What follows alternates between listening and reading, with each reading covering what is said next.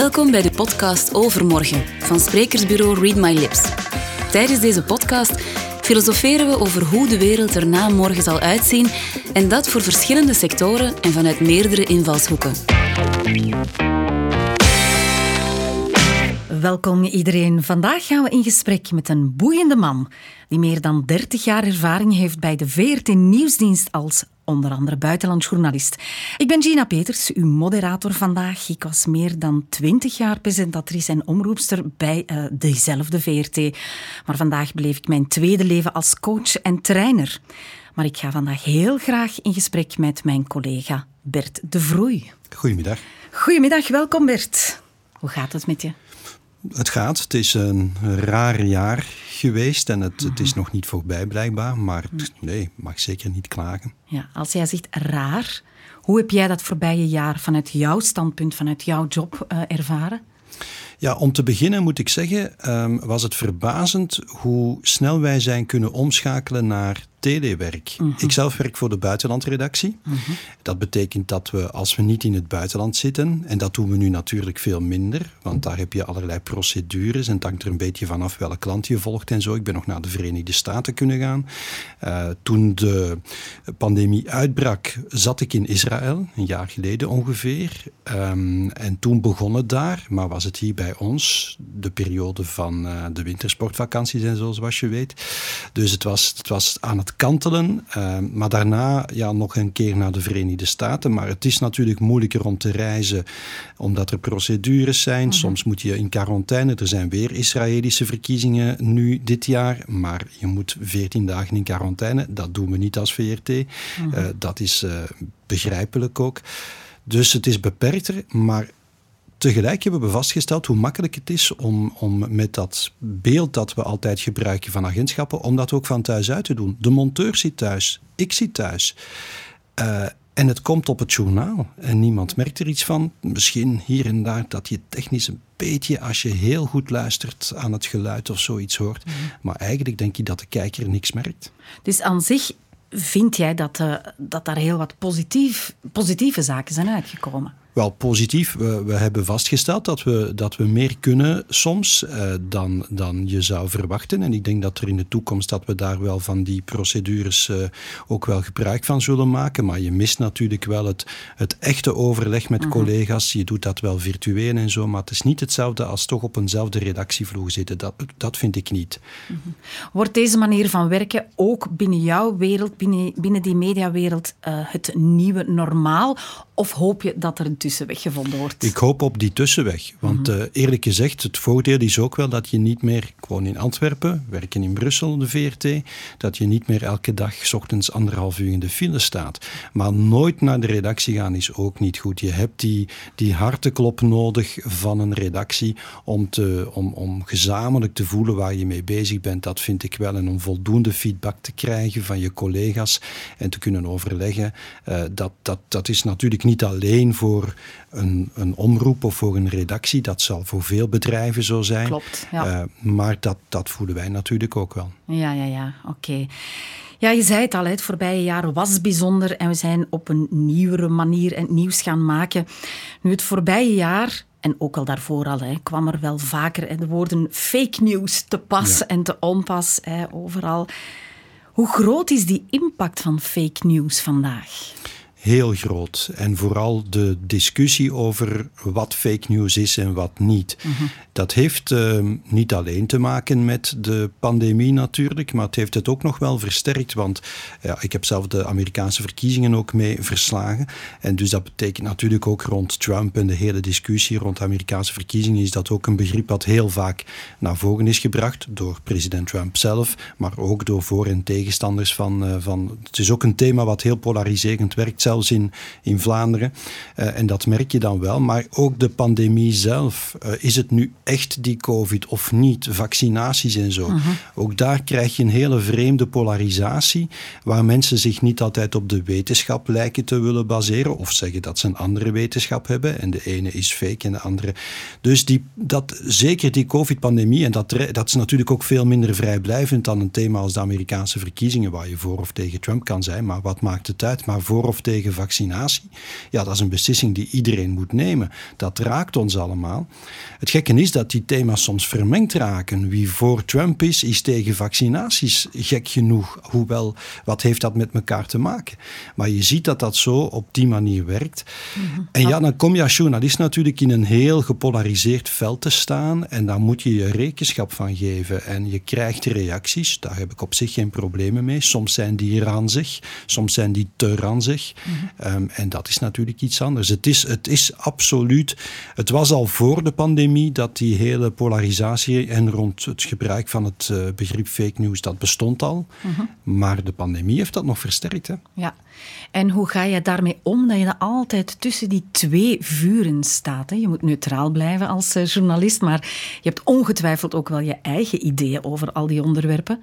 Hoe ga je daarmee om? Wel, ik vind dat uh, dat, dat is een, een, een vraag die we ons uh, wel meer en meer zijn beginnen stellen. En ik denk dat er een verschil is tussen objectiviteit en neutraliteit um, als journalist. Neem nu um, de discussie over president Trump bijvoorbeeld. Um, je moet als journalist altijd neutraal zijn in wat betreft de standpunten die hij inneemt, zeker zijn beleidsvoorstellen. Uh, als hij tegen migratie is, dan is dat zijn goed recht. En dan mag, mogen wij als journalist niet laten blijken of wij akkoord gaan met zijn, mhm.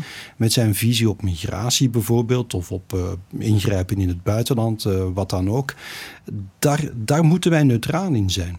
Maar als president Trump zegt dat de verkiezingen gestolen zijn door Joe Biden, en je hebt intussen 60, 70 rechtszaken gezien waarin zijn klachten verworpen zijn in de Verenigde Staten, je merkt dat wat hij doet niet in lijn is met de grondwettelijke bepalingen van hoe verkiezingen georganiseerd worden in de Verenigde Staten, dan zijn dat eigenlijk wel objectieve feiten.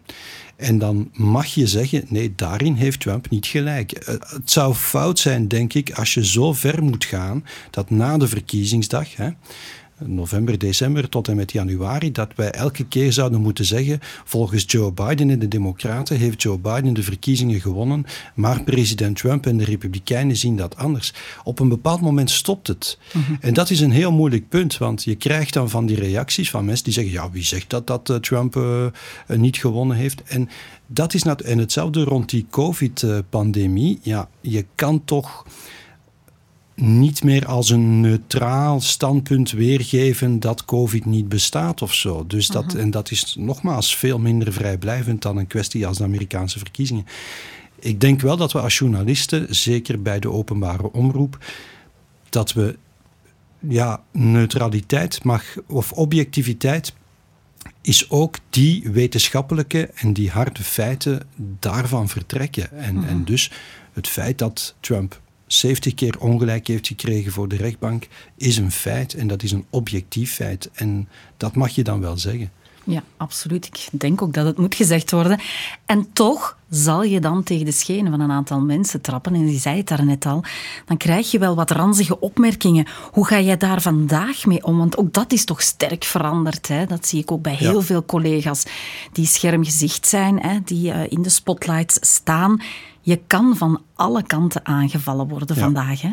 Ja, voor mij, ik ga dat ook niet overdrijven, dat, mhm. dat valt mee. Mensen die veel meer schermgezicht zijn dan ik, die zullen dat veel meer incasseren. Maar je merkt het wel.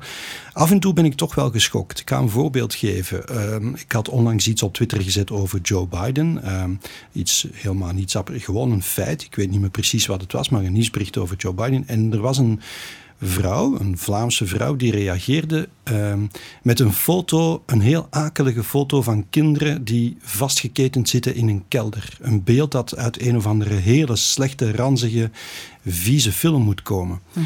En zij stuurde mij dat en ze zei: Joe Biden, dit is het Witte Huis van Joe Biden. Dus opnieuw inspelend op die belachelijke, idiote, ranzige theorie dat de democraten te maken hebben met pedofilie enzovoorts. En dat vind ik zo ranzig, zo iemand blokkeer ik onmiddellijk. Want dat vind ik mhm. echt, je mag van mij part zeggen wat je denkt over Joe Biden zijn beleid en zo, maar dit is een ranzigheid die te ver gaat. En daar was ik echt door geschokt op dat ogenblik. Maar meestal moet je proberen toch, als mensen, zeker als mensen ehm, kritiek geven, maar het is, ze hebben argumenten, dan moet je daar heel serieus op ingaan, vind ik. Dan moet je dat. Maar dit soort dingen vind ik, eh, daar hoeven we als journalist ook niet meer altijd tijd in te steken om daar beleefd op te reageren of wat dan ook. Uh, je hebt voor jezelf een ethische grens en bepaalt zelf van dat is er overgegaan en daar ga ik gewoon niet op in. Ja. want alles waar je aandacht aan geeft, ja, ja en, groeit zo natuurlijk blokkeer ik dan ook. Uh, ja, ja. ja oké. Ja, wat betekent het eigenlijk vandaag om journalist te zijn terwijl iedereen zomaar zijn mening wereldkundig kan maken via al die sociale kanalen, sociale media? Op zich, um, het maakt het moeilijker. Um, het, het, kan, het kan enerverend zijn. Je denkt, uh weer al iemand die daar met kritiek komt en zo. Maar eigenlijk mogen we dat niet denken. We zijn een beetje, ja, die status van de journalist van 20, 30 jaar geleden, die is weg. En misschien is dat ook niet slecht. Toen, uh, toen de tijd, toen, er, uh, toen ik begon, uh, begin jaren 90 op de nieuwsdienst, ja, dan, dan waren journalisten, er waren er nog niet zoveel als nu. En je weet dat ook, dat was ook bij de VRT, dat, dat waren halve goden en je was heel blij als je daar als jonge gast kon, uh, kon mee beginnen en zo. Maar die status was misschien ook wat overdreven. Hè? En, uh, en dat is eigenlijk wel goed, maar natuurlijk iedereen iedereen in Vlaanderen, iedereen in de wereld denkt nu dat hij dat die ook journalist kan zijn en, en dat hij in discussie kan gaan. En nogmaals, als mensen argumenten hebben, graag. Maar natuurlijk is het soms wel wat gemakkelijk en dat maakt het wat enerverend. Hè. Ja, en het is zo snel gebeurd. Hè? Ja. Een paar jaar geleden nog moesten mensen een mail sturen of een brief sturen. Vandaag ja, is het gewoon hun gsm openklappen en ja, ze spuien maar al die ideeën. Of ze nu kloppen of niet, hè, of ze nu een meerwaarde zijn voor onze maatschappij of niet. Absoluut. Maar daar sta je dan ja, daar sta je bij en kijk je naar. Ja. Eigenlijk zijn uh, sociale media, kan je daar beter ver van blijven, maar dat is voor een journalist ook bijna niet meer haalbaar, omdat je soms ook contacten vindt op sociale media. Trouwens, uh, Twitter is ook een, een, kanaal langs waar goede artikels verspreid worden en zo. Ja. Maar de discussies op sociale media, waar je soms tegen je zin wordt ingetrokken, want je plaatst een artikel op Twitter en mensen reageren en iemand anders reageert op degene die gereageerd heeft. En je zit in een discussie, want ze zetten er altijd jouw uh, Twitternaam bij en zo. Je, het, het is, eigenlijk zou je dat soort dingen beter. Maar ja, goed. Sociale media zijn ook niet, niet helemaal slecht. Hè. Ze hebben nee. ook een, een echt een, een. Het zijn platformen waarin interessante inzichten, artikels, informatie kan gedeeld worden. Ja. Als het daarvoor gebruikt wordt. Hè. Maar dan is het ook, wordt. ja, inderdaad, het is nooit zwart-wit. Het, het, is, niet alleen maar nee. slecht. Dus dat is wel goed, vind ik, om dat eens te benoemen. Laat ons ja, die kanalen en die media op een positieve manier of een informatieve, correcte manier gaan gebruiken. Kijk ja. jij er ook zo naar? Dan? Absoluut, ja. Maar natuurlijk, dat is niet, uh, ik denk niet dat dat de reden is waarom de meeste mensen het doen. Het, Twitter zeker, meer nog dan Facebook, denk ik, heeft veel te maken. En Instagram, dat, dat ken ik zelfs niet, dus daar zit ik niet op. um, maar uh, heeft veel meer te maken met emoties ook. Dus niet met het, het heel rationeel uitwisselen van uh, kijk eens naar dit artikel, dit is interessant en zo. -huh. Ook, maar voor de meeste mensen is het een manier om hun, hun uh, onmiddellijke bedenkingen en, mm -hmm. en, en soms ook agressie te spuien. Hè. Ja. Vind je het een jammere trend dat mensen op, op, ja, op basis van die heel korte momenten van ja, inspiratie, want informatie is het dan nog niet altijd, een mening gaan hè, vormen over iets? Want we zien wel dat heel veel ja, mensen uit de politiek via die kanalen nu hun mensen aanspreken. Ja, of het altijd een jammere trend is. Ik zeg ook niet dat mensen niet het recht mogen hebben om plots hun, hun mening te geven. Um, ja, vroeger deden ze dat misschien in het café uh, nadat ze uh, iets gezien hadden op televisie en zegden ze het voor hun vijf, zes uh, vrienden op café. Nu kan je het natuurlijk op een veel breder platform vind het moeilijk om te, mensen te ontzeggen dat ze dat mogen doen. Maar of het altijd zinvol is, of het altijd gegrond is, dat is natuurlijk een andere kwestie. En soms is het, wakkert het alleen maar een gepolariseerde discussie aan, -hmm. die ook maatschappelijk denk ik niet echt goed is. -hmm. Heel die, die scherpe, bijna vijandige, agressieve polarisatie. -hmm. Zie jij een verschil tussen jouw manier van werken vandaag en dan die jonge garde journalisten die binnenstromen? Dus uh, ja, soms wel, maar je mag dat toch niet, vind ik, puur op generaties uh, gaan. Je mag generaties daar niet op, op, op vastzetten of afrekenen of zo. Want dat, er zijn ook heel jonge collega's die, vind ik, op een helemaal op dezelfde manier werken als ik en, en omgekeerd. Dus, maar er is, wel een, er is wel een verschuiving natuurlijk, dat zie je wel. Um, um, ja, ook in de selectie van wat nieuws is en zo. Maar dat heeft dit het voorbije jaar ook zeker te maken met de pandemie. De helft van het nieuws wat we brengen gaat over COVID bijna. Mhm. En dat betekent ook, je vraagt je wel eens af, hoe zouden die journaals er het voorbije jaar hebben uitgezien? Wat zouden we hebben gebracht zonder COVID? Mhm. Zoveel verhalen die we niet gebracht hebben nu en die er anders op een of andere manier wel zouden ingezeten hebben misschien.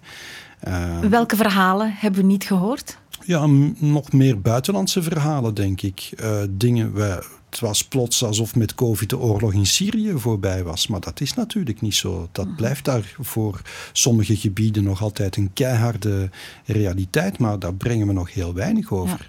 En ehm, net dat is jouw expertise. Word je daar dan een beetje boos van? Soms ja. Soms zijn daar discussies over. Ja. Dat, dat, en dat, eh, zijn dat discussies op de nieuwsvloer? Of, ja, of, ja, ja, Maar goed, dat is ook begrijpelijk natuurlijk. Ik begrijp ook best uh, dat uh, COVID voor de meeste kijkers, luisteraars, lezers de belangrijkste, het belangrijkste verhaal is. Voor mijzelf ook, denk ik. Voor ons allemaal. We willen daar vanaf. We willen weten hoe snel het gaat. We willen weten hoe goed die vaccins zijn enzovoort. Dus dat is begrijpelijk. Maar ja, daar zijn natuurlijk discussies van proportionaliteit enzovoort. En, en uh, goed, maar ik, uh, ik denk dat dat heel normaal is. We hebben ook maar beperkt, uh, beperkte tijd om. om en, en, ehm, maar dat zijn wel bedenkingen die je moet maken. We, we, we zijn zo op de COVID-pandemie gefocust dat we een aantal andere dingen. Veel, klimaat, nog zo'n thema. Mhm. Hoe groot was dat thema niet? Ja, klopt. In 2019 mhm. met ja. de betogingen van de jongeren en zo is eigenlijk helemaal uit de aandacht verdwenen. Mhm. Komt het nog terug? Ja, als die COVID-pandemie uh, voorbij gaat, hopelijk wel. Hè. Dan, uh, maar dan, ja, dan wordt het ook heel boeiend om te zien hoe de wereld dan weer uh, de normale gang van zaken zal oppikken, als dat zal kunnen. Oké, okay, wat economische schade zal zijn en zo, want dat, mm -hmm. dat, dat zien we nu nog niet echt wordt geweldig veel geld uitgegeven, maar ooit moet dat terugbetaald worden. En inderdaad, klimaat zal dan toch uh, wellicht weer, weer, hoger op de agenda komen te staan. En mhm. mensen, ook politici, gaan weer bij elkaar op bezoek gaan. We gaan weer zien dat uh, staatshoofden en zo beginnen te reizen, wat we allemaal niet gezien hebben het voorbije jaar. Dus ja, de wereld zal wat dat betreft wel weer terug een beetje... Uh, de, de draai vinden van, van voorheen. Um, maar we weten nog altijd niet hoe lang het nog zal duren. Nee dat zal moeten blijken. Ik ga jou vanuit mijn persoonlijk perspectief toch eens een vraag stellen. Ik kan me zo vreselijk ergeren aan onze journaals die altijd zo negatief geladen zijn. Vind jij dat ook? Voel jij dat ook? Bedoel je dan over COVID? Specifiek? Allerlei, ja. Slecht nieuws komt eerder aan bod dan goed nieuws. Heb ik het gevoel. Hè? Ik, koppel gewoon even de vraag terug. Um, ja, dat, uh, dat, ik, ik kan jou zeker uh, daarin volgen. Uh, maar goed nieuws moet ook wel nieuws zijn. Ja, we hebben een aantal jaar geleden, dat weet je misschien nog, toen uh, Björn Soenes hoofdredacteur was, hij was een groot voorstander van positief nieuws. En, mm -hmm. en, maar is daar ook, heeft daar heel veel kritiek op gekregen. Uh, ten onrechte ook, denk ik, want ik denk dat constructief nieuws, dat was zijn, dat was zijn, uh, zijn benadering. maar het moet wel nieuws blijven. Mm -hmm. Nu, met dat negatieve nieuws kan je dat soms ook afvragen. Hè? Is, dit nog wel, is dit nog wel nieuws? Ja. Maar er moet iets nieuws te melden zijn, een nieuwe ontwikkeling, een nieuw fenomeen. Um, en ik denk dat dat het criterium moet zijn. En er zijn ongetwijfeld goede dingen te vinden. Opnieuw nu met de pandemie is het waarschijnlijk allemaal wat moeilijker te ontdekken. Mm -hmm. um, omdat mensen beperkt zijn in wat ze kunnen doen en zo. Maar verder vind ik dat je, wel, dat je daar wel gelijk in hebt. Ik kan me zeker voorstellen dat het zo overkomt mm -hmm. bij de kijkers. Ja, ik ben als trainer en coach natuurlijk heel vaak in gesprek met mensen die het mentaal moeilijk hebben. En dan ja, geven ze wel aan je kan er niet omheen. Wij worden constant geconfronteerd met al die zaken die een bedreiging zijn geworden. Zijn jullie journalisten zich daar bewust van dat jullie een grote impact hebben op hoe mensen eigenlijk deze, ja, deze, deze crisis beleven? Dat denk ik wel. Ik denk wel dat we ons daarvan bewust zijn. Maar het blijft een heel moeilijke evenwichtsoefening. Hè? Want je mhm. moet de informatie geven die, uh, die ja, die er is en die de nieuwe ontwikkelingen vragen over een vaccin. Ja. Mhm. Ook, al zijn we, ook al denken we dat het goed is dat iedereen zich laat vaccineren, maar als er plots weer twijfels opduiken, er zijn signalen dat er misschien iets. Goed, dat moeten wij geven. Uh, ook al gaan we misschien daarmee. Het, dat is, dat is de, de hele moeilijke evenwichtsoefening die je. Want we krijgen ook meteen het verwijt als we dat niet zouden doen. Dan gaan mensen ons ook weer beschuldigen van dat we informatie achterhouden, dat we een agenda hebben enzovoort. Dus dat is altijd een moeilijkheid. Mhm. Waar ben jij het meest gevoelig aan in jouw taak als journalist? Kan je die vraag nog op een andere ja. manier stellen? Um, ja, het kan zijn van wat ik vertel moet echt helemaal juist zijn, want ik besef wat de impact daarvan is. Of ja, ik wil dat mijn uh, bijdragen ehm, een positieve impact hebben op onze samenleving of wat dan ook. Hè. Wat is die inner why? Waarom heb je ervoor gekozen om journalist te worden? En ja, wat maakt het een gevoelig thema? Het moet zeker juist zijn voor mij. Um, en als ik op reportage ga, dan mag, ik, mag het ook een beetje empathisch zijn. Mhm. Eh, wat mij betreft. Voor wat reportages, de, de, de, stukjes die ik maak op basis van agentschapsmateriaal, dat is iets anders. Dat is meest, meestal bekijk je dat wat zakelijker. Maar ik heb veel reportages gemaakt voorbij tien jaar over vluchtelingen. In vluchtelingenstroom in Griekenland, Italië, het Middellandse zeegebied. En ik weet soms, als ik met die mensen praat, met die vluchtelingen, ik weet soms dat ze daar ik ga niet zeggen staan te liegen, want ik vind dat een te sterk woord. Want die mensen zijn bezig met een overlevingsstrategie, maar dat ze dingen vertellen die niet helemaal kloppen. Maar toch moet je daar, vind ik, uh, empathisch voor zijn. Je moet dat niet zonder meer weergeven, van, uh, alsof dat de waarheid is. Je mag daar bedenkingen bij formuleren. Maar ik begrijp wel heel vaak waarom die ook niet altijd soms. Maar goed, voor heel veel van die families begrijp ik dat absoluut. En dus die empathie mag je ook wel wat meegeven, vind ik, in een reportage. Ook al zou je zakelijk zeggen, maar het is ook geen oplossing dat al die families uit Syrië komen. Want dat is ook zo. Dat is geen oplossing. Dat is geen houdbare toestand. Maar die familie waarmee je staat te praten, ik vind het niet verkeerd als journalist om daar ook een stukje empathisch naar te luisteren. Te begrijpen waarom zij dat gedaan hebben. Is dat voor de wereld, voor Europa het beste dat dat zo gebeurt? Nee. Maar je moet wel begrijpen, want dat is een deel van het verhaal. Dat is ook een deel van de waarheid eigenlijk. Want die mensen hebben hun eigen waarheid, hun eigen visie van waaruit ze vertrokken zijn. En de risico's die ze daarbij nemen en zo. En dat is ook een moeilijk evenwichtsoefening, want je moet tegelijk zakelijk kunnen blijven, maar tegelijk vind ik dat niet verkeerd in dat soort reportages. Omgekeerd, stel nu dat je in de Verenigde Staten. Uh, ik ben zelf helemaal geen wapenfreak, maar je weet in de Verenigde Staten zijn mensen, heel veel mensen die ervan houden om in schietclubs te gaan en wapens aan te schaffen en zo. Ook als je met die mensen praat, moet je proberen te begrijpen waarom ze dat doen.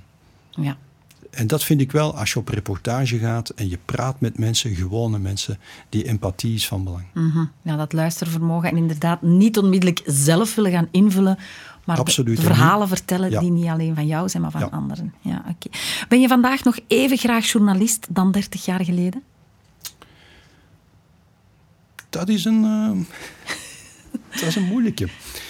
Ik merk wel dat ik... Uh, iets meer in de geschiedenis geïnteresseerd raak en iets minder in de actualiteit. En dat ik soms van de actualiteit denk, dat hebben we al vaak gehad. Ja, en dat, is, dat klinkt nu heel blasé. Nee, helemaal niet. Uh, maar ja, je ziet wel dingen terugkomen. Uiteraard niet in de COVID, want dat is echt iets heel bijzonders. Dat hebben we nog nooit meegemaakt. Maar een aantal dingen zie je altijd terugkomen. En ik eh, ben wel meer en meer geneigd, heeft misschien met de leeftijd te maken, om, om het ook wat in een, allemaal wat meer in een historisch perspectief te zien. Dus ik ben ehm, wat, wat meer beschouwend geneigd om wat meer een beschouwende journalistiek te doen, mocht voor zover daar ruimte voor is en zo. Mhm. dat, dat doe ik wel graag eens. Uh, en, en zo het hele, de brandweerjournalistiek, dat, wat ik ook wel soms gedaan heb, maar dat is, dat ik denk ook wel dat dat normaal is in een loopbaan, dat dat een beetje verschuift. Dat hoeft voor mij per se niet meer. Mhm.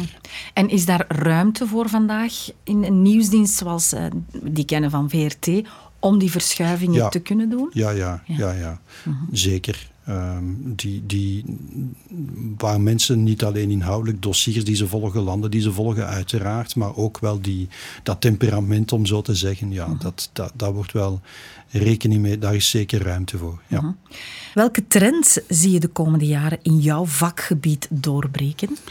Ja, voor nieuws zie je meer en meer dat de, de schotten die er waren tussen radio, televisie uh, en dan ja, tekst, dus Vroeger waren dat de printmedia natuurlijk, maar dus nu is dat ook online. Ja, dat, dat, dat raakt allemaal vermengd natuurlijk. Uh, niet alleen bij ons, hè. bij de commerciële uh, collega's gebeurt dat net zo goed. Ook vanuit krantengroepen, zoals je weet. Hè. Dus uh, je hebt niet meer krantensites waar alleen maar tekst op staat en niet meer alleen nog sites waar alleen beeld op staat. Nee, alles raakt. En ik denk ook dat dat ook is wat de gebruiker wil ook. Dus um, uh, dat, dat, en dat maakt ook dat de organisatie van de redactie uitdijnt, groter wordt. Uh, dat dat uh, ja, redelijk gezellige, kleine, maar ook wel wat gesloten hoekje van de radiojournalistiek waar ik ben ingestapt begin jaren 90, dat is natuurlijk al lang weg. Het is een heel grote redactie geworden. Mhm. Dat is ook niet altijd makkelijk soms. Maar dat is de trend, die, die integratie, vermenging van tekst, beeld Um, en geluid, radio, tv, online. En dat, dat is denk ik, ik denk ook bij de gebruiker dat het ook wel die kant blijft uitgaan. Ja, loop je daar soms zelf tegenaan? Het maakt het allemaal wat ingewikkelder soms, omdat het uh, allemaal groter is. Um, en um, ja, dat maakt dat de organisatie van het werk soms, soms behoorlijk ingewikkeld is, omdat er heel veel overlegd moet worden om al die platformen die wel uh -huh. met elkaar te maken hebben en geïntegreerd ja. raken, maar die toch allemaal een eigen output hebben. Ja, het wordt wat complexer ja. soms. Kunnen we zeggen dat het vroeger eilanden op zich waren waar nu heel de tijd de bruggen moet geslaan, ja. uh, geslaan worden? Ja, en meer dan bruggen. Het, de, bruggen, de bruggen het zijn al geen bruggen meer. Nee. Het is één uh, ja. grote. ja, ja. Het verandert allemaal zo snel natuurlijk. Hè. Ziet de wereld van overmorgen er beter uit dan die van nu en morgen? Hmm, ik, uh, ik wou dat ik kon zeggen van wel, van overmorgen misschien wel, maar de wereld van morgen ziet er denk ik uh, moeilijk uit. Ik, mm. ik ben wat dat betreft niet zo geweldig optimistisch. Uh, maar laten we hopen overmorgen beter dan, dan nu. En morgen, het wordt ook wel na de pandemie toch nog wel moeilijk, denk ik. Ja. Wat vrees je het meest? Um, internationaal, ja. Instabiliteit um, en klimaat. Ik denk dat we echt nog niet goed beseffen hoeveel problemen dat ook zal opleveren. Ook voor migratie. De mensen zijn heel bezorgd en bang van migratie. En dat is heel begrijpelijk. Maar er is een relatie met uh, klimaatproblematiek. Dus ik denk dat we dat en die instabiliteit, uh, ja, dat dat toch nog wel een tijdje door zal sudderen. -huh. Wat is jouw persoonlijke wens voor de komende jaren, Bert?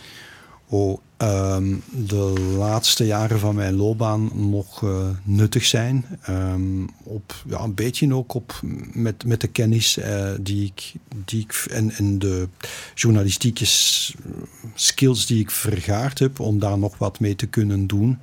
Maar het mag ook wat rustiger misschien um, en wat beschouwender, zoals ik daar straks ja. al zei. En dan ben ik uh, heel gelukkig. Ik wens het je alvast toe. Dat was het voor vandaag. Ik hoop dat we jouw luisteraar hebben kunnen inspireren met dit gesprek. Bedankt en heel graag tot later. Beluister alle podcasts van Overmorgen op Soundcloud of Spotify. Met veel plezier aangeboden door sprekersbureau Read My Lips.